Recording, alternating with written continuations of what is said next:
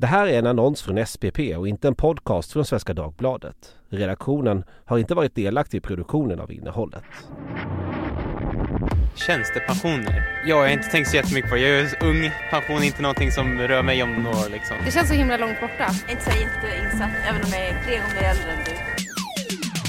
Det har vi inte lust att prata om nu. Tjänstepensionen är jätteviktig. Det här är Kalle och framtiden. Och den blir bara viktigare och viktigare. Jag sparar så pass mycket så att jag kan leva gött liksom. Jag heter Kalle och är 25 år. Om runt 40 år då kommer jag bli gammal, mossig, grå och eh, börja ta ut min pension.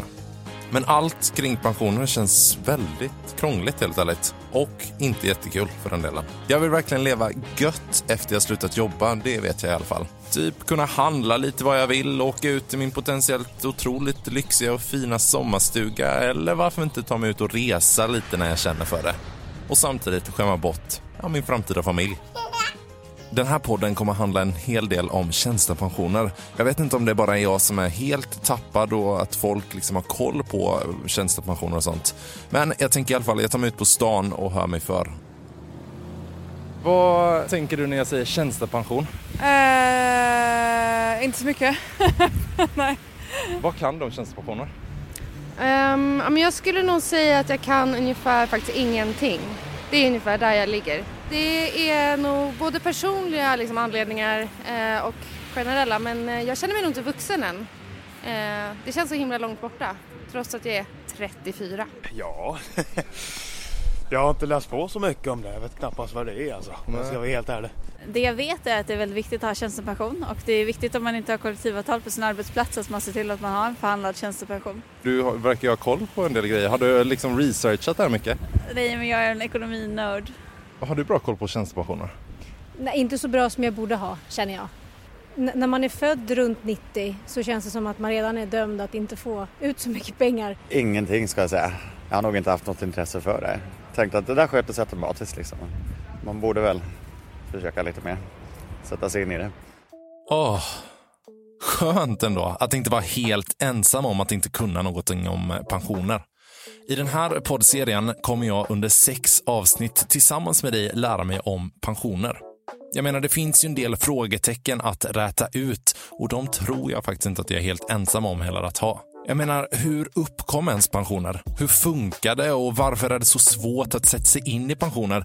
Och hur gör jag för att få en sån där riktig maffig pension efter att jag slutat jobba? Så låt oss göra det här tillsammans. Börja från square one. Ja, och lära oss allt vi behöver veta om pensioner. Just det. I den här podden kommer du också höra en annan Kalle. Alltså, jag heter Kalle. Ja, jag heter också Kalle, fast jag är en äldre version. Av mig, Kalle. Varje gång du hör det här ljudet, då är det alltså mitt framtida jag som pratar. Så jag heter Kalle. Och jag heter Kalle. Ja, men gött. Då vet du. Det är svårt att veta vilken ände man ska börja i det här. Jag har ju fattat att pensioner är min framtida lön, alltså lönen efter att jag slutat jobba. Och jag har hört något om någon pyramid.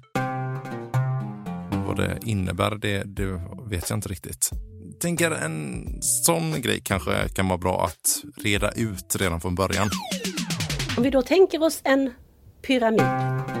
Det här är Agneta Claesson. Hon är informatör på Pensionsmyndigheten. Den är indelad i tre olika skikt. Bottendelen är den allmänna pensionen. Genom att du betalar skatt på en inkomst så kommer det att fylla på den här bottenplattan genom att du helt enkelt deklarerar inkomsten till Skatteverket. Tjänstepensionen där i mitten, för att du ska tjäna in pengar till den delen så behöver du en arbetsgivare som har handpåläggning och helt enkelt betalar den delen. Och sen på toppen så kallar vi den eget sparande. Ah, ja, så att det är tre olika steg i den här pyramiden. Allmän pension, tjänstepension och sen eget sparande. Bra, då har jag koll på det. Men för att riktigt förstå pensioner så kan det vara bra att gå tillbaka. Jag menar pensionens uppkomst. Historien kring pensionsfrågan går way back. Alltså innan världskrig, innan kvinnor hade rösträtt och när man samtalade med varandra i en helt annan ton än idag. Något år efter att Jack, like det där hände och Titanic sjönk till botten fattade Sveriges regering 1913 ett beslut om att införa allmän pensionsrätt. Och därmed blev vi det första land i världen att införa en försäkring som gällde hela befolkningen. Tanken var att alla över 67 år skulle kunna klara sig själva och inte förlita sig på sina barn eller barnbarn att de tog hand om en. Eller att slippa bo i fattighusen. Men det gick inget vidare. Det är bara käbbel. Dels för att pengarna inte räckte att leva på och för att medellivslängden under den här tiden bara var 60 år. Så systemet, ja, det funkade helt enkelt inte. Och pengarna räckte inte till. Man hade svårt att klara sig på sin pension. Tjänstemän däremot, typ statstjänstemän eller typ bankmän, de hade väldigt goda anställningsvillkor och fick behålla en ganska stor del av sin lön, även efter att de slutat jobba. Det var en slags pension genom jobbet. Och så sjösattes den första stora tjänstepensionen i Sverige, alltså SPP, eller Sveriges privatanställdas pensionskassa, som idag är en del av Storebrand-koncernen. Extrautsändning från TT. Två världskrig senare infördes en folkpension år 1946. Planen var då att alla skulle få runt 1000 kronor varje år efter att du fyllt 67 år. Och det är väldigt mycket pengar. Men det blev inte heller så bra. Det blev för dyrt för staten och landets kommuner. En utredning 1955 föreslog att det skulle införas ett nytt system, en allmän tjänstepension som alltså inkluderade alla, inte bara höginkomsttagare.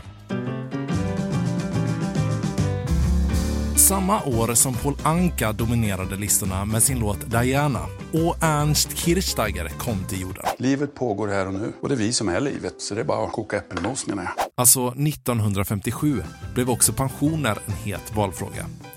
Den så kallade ATP-striden var igång. ATP, alltså allmän tilläggspension. Socialdemokraterna och kommunisterna ville ha en obligatorisk linje medan de borgerliga ville att det skulle vara frivilligt och samtidigt fortsätta att använda sig av folkpensionen. Det blev en omröstning om pensionsfrågan något år efter som hjälpte till att bygga upp en stämning kring ATP. När propositionen lades fram vann Socialdemokraterna med minsta möjliga marginal om att ATP skulle vara obligatoriskt. ATP-beslutet gick igenom 1960 och den första utbetalningen kom tre år senare. Prisa Gud! Här kommer skatteåterbäringen! Men med tiden så, så började man se också problem med ATP-systemet. Det här är Urban Lundberg. Han är docent i historia och har jobbat med pensionsfrågor. Det, det är olika problem. Dels har det att göra med det, det samhälle som systemet skulle fungera i och hur det förändras. Men det har också att göra med systemets eh, konstruktion. Det byggde i någon utsträckning på ett samhälle i ständig tillväxt. Det går bra nu.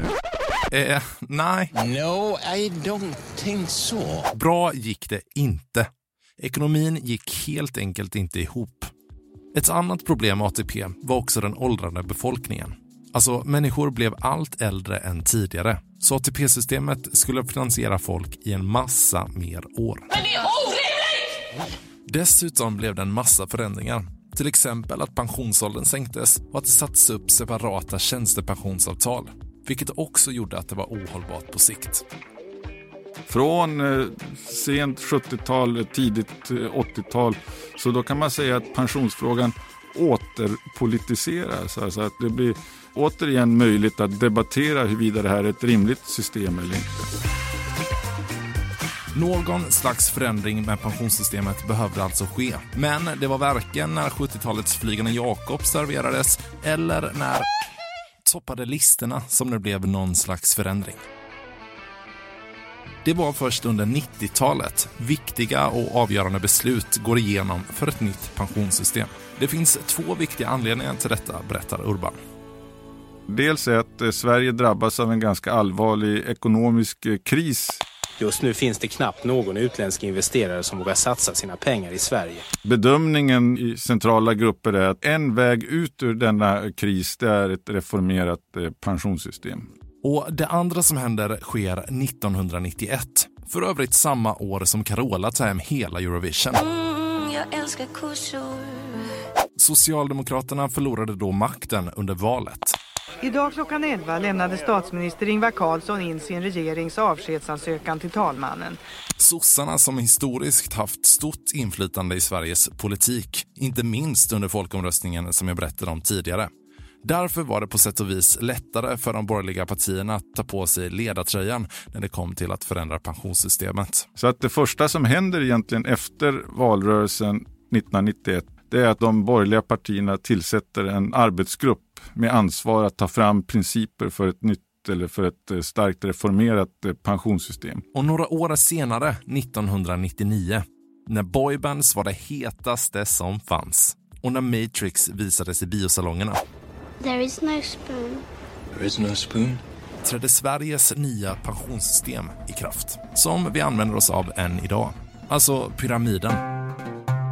Urban menar att i dagens pensionssystem har tjänstepensionens betydelse ökat. Om det inte vore för tjänstepensionen så skulle eh, det totala pensionssystemet som inbegriper både tjänstepension och den allmänna pensionen inte riktigt komma i närheten av målet att ha en pension som ger ett mått av standardtrygghet när, när du väljer att eh, lämna yrkeslivet. Så på så sätt så, Eh, så skulle jag säga att tjänstepensionens betydelse har ökat ganska markant. Så tjänstepension är väldigt viktigt och det känns ändå som jag har hyfsat koll på historien kring pensioner. Men varför är det så svårt att bry sig om pensionen? Jag har ju fattat att det är viktigt, men varför? Och hur gör jag för att pensionsspara ens på bästa sätt? Jag vet inte ens om jag har tjänstepension helt ärligt. Nu har jag börjat fundera på om jag bara ska skita i allt och se om det löser sig. Undrar hur det hade blivit då?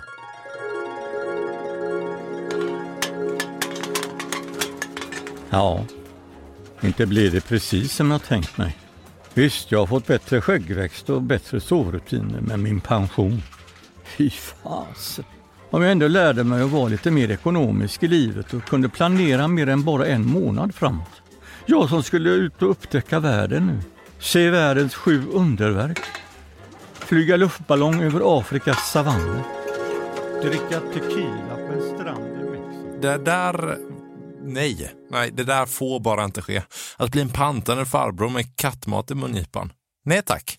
Jag vill ändå kunna luta mig tillbaka i eh, kanske en sån här gungstol eller kanske ut och resa eller dylikt. Kanske unna mig en bit tryffel till pastan istället för en tomatsås på basic-hyllan.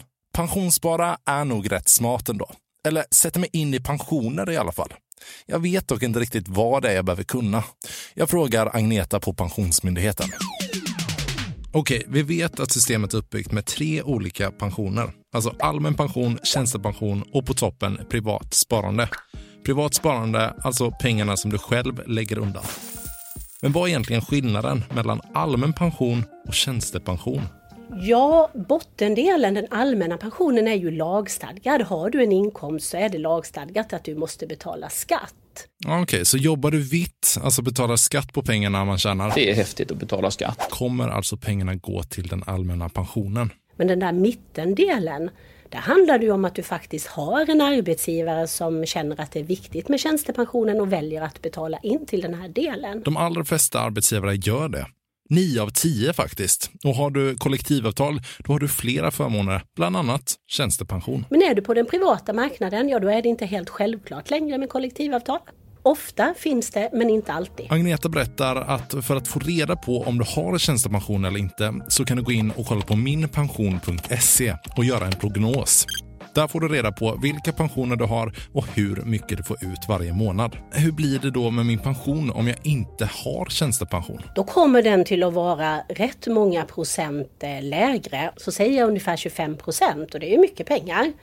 Kanske till och med kan vara mer. Ja, ah, okej. Okay. Så runt 25 procent mindre utan en tjänstepension. Men hur blir det då rent konkret? I plånboken så pratar vi tusen lappar. För de flesta kommer tycka att det är väldigt kännbart om man missar de eh, pengarna. Så tjänstepension är ganska avgörande för din framtida lön. Det låter också rätt soft att låta pensionerna bara ticka på medan man jobbar utan att egentligen behöva göra så mycket. Hur vet jag då om jag har en bra tjänstepension eller en dålig? Jag menar i procent. I alla fall minst 4,5 procent, men gärna upp till 6 procent. Det är ett minimum skulle jag vilja säga om man då jämför med de stora avtalen. Så sen är det bara att tacka och ta emot om det blir någon extra procent över det. Samtidigt känns det här ganska krångligt, allt med pensioner, liksom här och nu. Och att man kommer behöva lägga ner ganska mycket tid på det också. Agneta, hon ser det dock annorlunda. Sådär jättemycket tid behöver det inte vara utan ta ett eget kommando och förstå den där pensionspyramiden och, och skapa dig en egen uppfattning om det är krångligt eller inte. Och det vill jag påstå att eh, det är det inte om man lägger en, en liten stund på det. Tänk livsinkomstprincip, se till att du har en tjänstepension och vid vilken ålder du börjar plocka ut. Det kommer att vara de tre viktigaste faktorerna om vi tittar i stort på pensionen. Skönt. Det känns ju betryggande ändå. Nu har jag en eh, bra grund att stå på när det gäller pensioner. Jag vill ju dock leva life under pensionen om man säger så. Då kanske ett eget sparande kan vara bra att kika på. Ändå taggad på att ta tag i det här nu. Det kanske inte är så krångligt egentligen. Kanske mest bara lite tråkigt. Och varför är det så tråkigt då? Det har vi inte lust att prata om nu. Menar, det handlar ju ändå om hur vi ska leva som gamla. Jag har pinsamt dålig koll på det mesta som har med pensioner att göra. Så varför bryr sig ingen om pensionen? Det får vi höra om i nästa avsnitt med pensionsexperten Jenny Rundblad som är utbildad beteendevetare. Det finns flera anledningar till att folk har svårt att sätta sig in i det. Det är dels krångligt och svårt Jag har inte läst på så mycket om det. Jag vet knappast vad det är alltså. Och att det är lite långt borta i tid för många. Du har lyssnat på Kalle och framtiden, en podd om din framtida lön av SPP. Producerad av Monopol Media. Det är bara käbbel. Du har lyssnat på en annons från SPP och inte en podcast från Svenska Dagbladet. Redaktionen har inte varit delaktig i produktionen av innehållet.